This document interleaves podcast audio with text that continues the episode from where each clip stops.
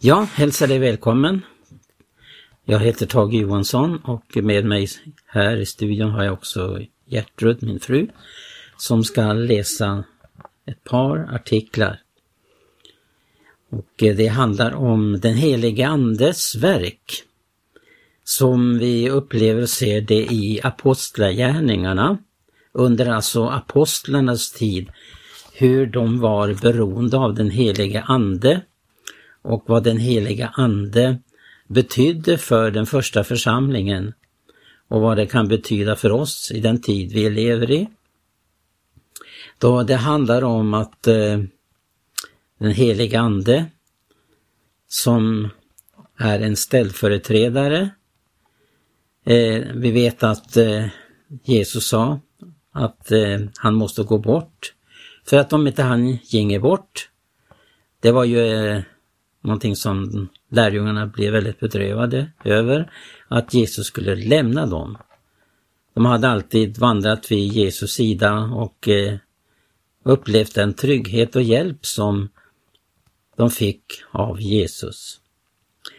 Men så säger Jesus att han ska fara hem till himmelen för att om inte han far hem så kommer inte hjälparen den helige Ande att kunna sändas. Men när han kommer hem, alltså Jesus, till sin fader så skulle, ska, skulle han bedja sin fader om att eh, sända den heliga Ande, den utlovade hjälparen, som skulle ta Jesu plats här på jorden. Jesus han utförde sitt uppdrag och när han var färdig med sitt uppdrag så trädde den helige Ande in för att eh, eh, förkunna och förmedla Jesu Kristi liv och ledning till församlingen. Att eh, den första församlingen var på det klara med att man var helt beroende av den heliga Ande och det, Jesus själv säger ju att det är när den heliga Ande kommer över dem, som den kom på pingstdagen, så skulle de få uppleva kraft. Det var inte bara kraft, men kraft för att bli hans vittnen, att utföra det uppdrag. Och eh, det Jesu försoningsverk skulle bli känt och förkunnat för människorna över hela världen. Därtill behövde de den helige Ande. Men som sagt så sände Jesus den helige Ande till jorden och han är ju en person som vi säkert känner till, tredje personen i gudomen. För att ta några exempel hur beroende de var av den helige Ande så ska jag läsa eh, ifrån Apostlagärningarna 13. Och det är de första verserna där i det kapitlet. Det här talar om hur de eh, fick uppleva den helige Andes ledning och eh, att eh, de hade ställt sina liv till Guds förfogande på ett sådant sätt att anden fick bli den som eh, utförde Guds gärningar genom apostlarna. Den heliga ande den har, kan man då eh, belysa med olika namn. I den svenska eh, 1917 års översättning så benämns han som eh, Hjälparen. Och det är en underbar sida att den heliga Ande var deras hjälpare. Och hela apostlagärningarna talar ju egentligen om vad den heliga ande utförde genom apostlarna. Det var inte apostlarna som utförde gärningarna i sig, utan det var genom den heliga ande. Den heliga ande utförde dessa gärningar i det att Gud, står det, stadfäste ordet när de förkunnade det genom åtföljande tecken under och det var den helige Andes verk. Som sagt så finns det flera olika sidor av den helige Andes verksamhet på jorden. Nu nämnde jag nyss här om som en hjälpare. Han nämns också som en huxvalare. Det finns en gammal sång som lyder så här, Huxvalaren är här. Och det finns andra namn också. Eh, den norska bibeln där om, talas det om eh, talsmannen. Eller han är liksom vår advokat. Han talar. Den heliga Ande talar till vår fördel och den eh, är som sagt var den som eh, är både ledsagaren och advokaten för oss. Vi ska läsa bara det här innan Gertrud läser ifrån en, eh, ja det är eh, ett, eh, ett månadsskri en månadsskrift som heter Brudgummens röst som blev inbunden då från 1915 och 1916. Och där finns det en artikel som handlar om den heliga Andes mission. Men först läser jag ur Apostlagärningarna 13 från första versen. I den församling som fanns i Antiochia verkade nu som profeter och lärare Barnabas, Simeon, som kallas Niger, Lysius från Syrenes och Manaim, landsfurstens, Herodes fosterbroder och Sauls. Vidare står det så här då, när dessa förrättade Herrens tjänst och fastade, sade den helige Ande, Avskiljning åt mig, Barnabas och Salus, för det verk som jag kallat dem till. Då fastade de och båda och lade händerna på dem och lät dem så begiva sig och stad. Sen står det då i fjärde versen, i första delen där. Dessa som så hade blivit utsända av den helige Ande. De var alltså helt underställda av den helige Ande. Vi ska be, jag ska be Gertrud att läsa ur den här månadsskriften Brudgummens röst. Där det finns en artikel om den helige Andes mission.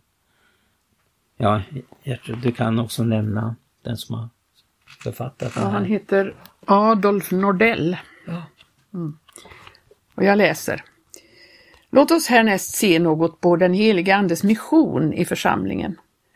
Församlingen är den helige Andes hem på jorden, liksom tabernaklet i öknen var den plats där Gud ville bo och uppenbara sig mitt ibland Israels folk, så är församlingen den plats som den helige Ande har valt åt sig såsom boningsort. Den helige Ande är ljuset i församlingen, utan detta ljus är församlingen mörk. I det heligaste i församlingshyddan fanns blott ett ljus och detta kom från den sjuarmade ljusstaken. Det fanns inga fönster på församlingshyddan och om därför den sjuarmade ljusstaken icke funnits hade det varit totalt mörkt där inne. Den sjuarmade ljusstaken är en symbol av den heliga Ande. Det får inte finnas något fönster på församlingen varigenom världsljuset tränger in Ty Andens ljus är församlingens ljus. Liksom det fanns sju armar på ljusstaken så framställs också Anden såsom sjufaldig. Guds sju andar. Uppenbarelseboken 1 och 4, 3 och 1, 5 och 6. För att uttrycka Andens gudomliga fullkomlighet Jämför där här med Jesaja 11 och 2 där också Andens sjufaldiga egenskaper omnämns. Den helige Ande skall utöva kontroll över församlingen. Vi ska inte öva kontroll över den helige Ande, utan den helige Ande skall öva kontroll över oss. Varje beslut som vi fattar bör vara sanktionerat av den helige Ande. Apostlarna kunde säga, den helige Ande och vi har beslutat. Tänk om vi i varje sak lät den helige Ande upplysa och lära oss hur vi skulle handla.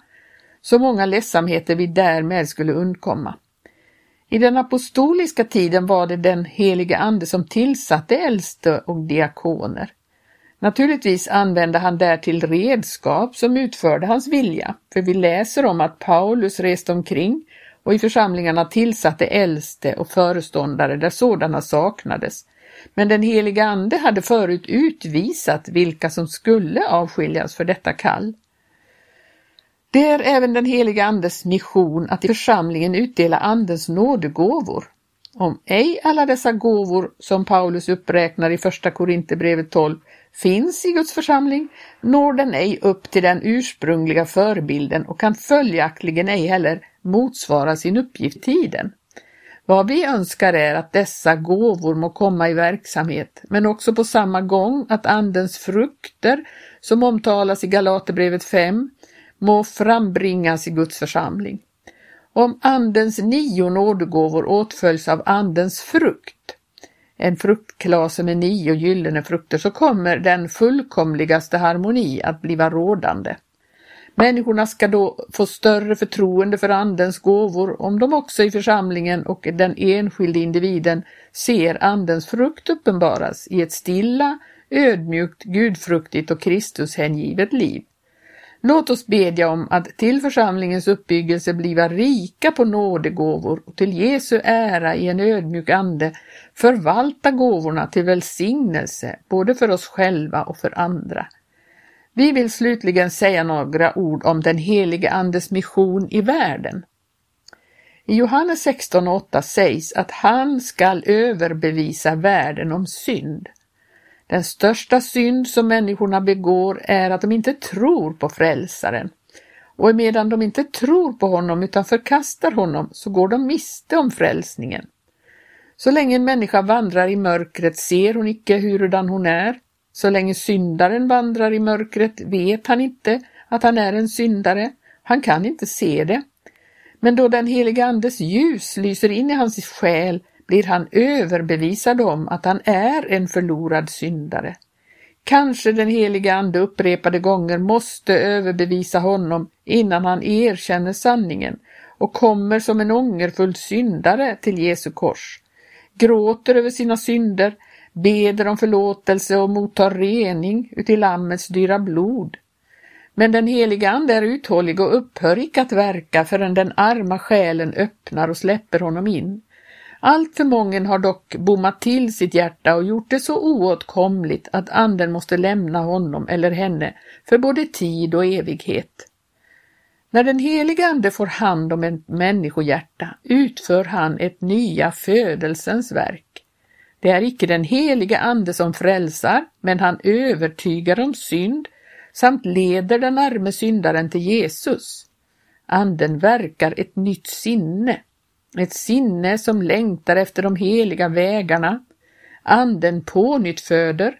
Nya födelsen skänker gemenskap med Gud genom Jesus. Vi delaktiggörs av hans liv och så länge vi förblir i Jesus och han i oss kan ingen taga detta liv ifrån oss. Tänk så många försmäktande själar det finns som håller på att dö av törst i denna världsöken. Den helige Ande är ett levande vatten för sådana. O, att de ville stanna, tro och mottaga den helige Ande. Då skulle ökenlivet förvandlas till paradisliv, hungern stillas och törsten släckas. Klagovisorna skulle upphöra och jubelsångerna ljuda. Halleluja! Härliga nya uppståndelseliv. Abrahams tjänare Eliasar blev sänd till Mesopotamien för att hämta en brud åt Isak. På samma sätt har Gud utsänt sin ande över jorden för att bland människorna uttaga en brud åt Kristus. Detta är den helige Andes ton. Han kallar idag. Har du sagt ja till hans kallelse? Vill du följa honom dit han leder? Han vill leda dig till Jesu möte. Eleasar lämnade icke Rebecka förrän hon mötte Isak. Den helige Ande skall icke heller lämna oss förrän vi möter konungen på himmelens skyar och går in i de fridsälla boningarna för att fira Lammets bröllop. Den helige Andes mission i världen är ännu icke slut. Ännu talar han väckelsens ord till syndares hjärtan. Ännu överbevisar han om synd, om rättfärdighet och om dom. Men Gud har sagt att hans ande skall icke alltid bliva kvar på jorden. O, att därför varje själ ville vakna upp och bedja. O, du helige ande, bli min ledsagare, led mig till Jesus och led mig till det hem som icke är gjort med händer, i härlighetens himmel, där jag fri från all synd och besmittelse får skåda Gud, bli honom lik och evigheterna igenom fröjdas i hans sällskap. Ja. Det var alltså en artikel ifrån tidskriften Brudgummens röst som började utges i början av 1900-talet. Det finns en bok också som jag hittade i mitt bibliotek och den heter Andens ämbete av eh, teolog doktor A. J. Gordon med ett eh, förord av eh, F.B. Meyer. Och den här boken blev översatt då från engelska till svenska av eh, professor O. Hedén. Ja, där finns det då några rader skrivet om Andens ankomst. Det var det som förändrade situationen för den första församlingen. Att den fick uppleva den heliga Ande. Och redan då när detta med andeuppfyllelsen på pingstdagen så ser vi verkningarna av att den heliga Ande uppfyllde lärjungarna i det att Anden genom apostlarna fick vara med och se hur Gud stadfäste ordet genom tecken under just därför att den helige Ande hade kommit till dem, uppfyllt dem. Och den helige Ande uppfyller alla behov hos den troende människan. I frågan om ledning, i frågan om det profetiska ljuset. Församlingen måste ledas av ett profetiskt ljus till exempel. Men innan jag avslutar med några ord här så ska Gertrud läsa ännu ett litet stycke från den här boken, Andens ämbete. Ja, det står från den tiden tog den helige Ande sin boning på jorden. Den kristna församlingen är under hela denna nådeshushållning Andens hem, lika verkligt som himlen under samma tid är Jesu Kristi hem. Detta överensstämmer fullkomligt med det härliga ordet av Jesus som någon benämnt det största löfte som han kan givas människor. Det här, om någon älskar mig skall han hålla mitt ord och min fader skall älska honom och vi ska komma till honom och ta vår boning hos honom. Detta löfte uppfylldes på pingstdagen och den första och andra personen i gudomen har nu sin boning i församlingen genom den tredje. Den heliga Ande utövar under denna tid sitt ämbete på jorden och all andlig närvaro och gudomlig gemenskap av treenigheten med människorna förmedlas genom honom. Med andra ord, under det Fadern och Sonen är oss synligen och personligen i himmelen, är det i osynlig måtto här i de troendes samfund genom hugsvalarens inneboende. Ehuru vi sålunda håller före att den heliga Ande på pingstdagen kom att bo på jorden, vill vi inte därmed ha påstått att han därigenom upphörde att vara i himlen. Det förhåller sig ej med Gud som med den ändliga människan att ankomsten till en plats nödvändiggör avresa från en annan. Jesus fällde ett yttrande om sig själv som förefallit så hemlighetsfullt och synts så motsägande att många försöker ha gjort Försök har gjorts att bortförklara dess bokstavliga och tydliga mening så här. Och ingen har farit upp till himmelen utom den som for ner från himmelen, Människosonen som är i himmelen. Kristus på jorden och dock i härligheten just så som en tanke som klädes i ord och utsändes från tankens verkstad och dock förbliver där lika verkligt som innan den uttrycktes. Varför skulle denna utsaga av vår gudomlige mästare synas otrolig? Och så som det förhåller sig med sonen, så förhåller det sig med anden. Den heliga ande är här ständigt förblivande i församlingen och han är likaledes i gemenskap med Fadern och Sonen, från vilken han utgår och från vilka såsom jämlik i gudomen han aldrig kan bli mer skild än solstrålen från solen, vari den har sin källa. Jag ska bara avsluta här med att eh, ta upp det här igen som vi har vidrört. Dels genom artiklarna, dels bibelord jag läste från Apostlagärningarna 13. Och eh, man tänker också på eh, vad som står i Apostlagärningarna, det femtonde kapitlet. Och det har, blir redan citerat här. Där det står att den helige ande och vi har nämligen beslutat. Det här skildrar det underbara samarbete som apostlarna hade då det gäller den heliga ande. De var helt utlämnade åt just den helige Andes ledning och ljus. Och som också har framkommit här av den här artikeln ifrån Brudgummens röst, så är det ljus församlingen har likställt med det som är en förebild vid tabernaklet där det inte fanns några fönster i tabernaklet utan det fanns en sjuarmad ljusstake. Det var det enda ljus som fanns och det är också ju så, för att återupprepa igen, det är församlingens ljus som är helt avgörande. Annars upplever vi det totala mörkret. Enligt det här som också vi ser i sändebreven att eh, de blir påminda om att man ska ha ett öra som kan höra vad anden säger eller talar eller leder och uppenbarar.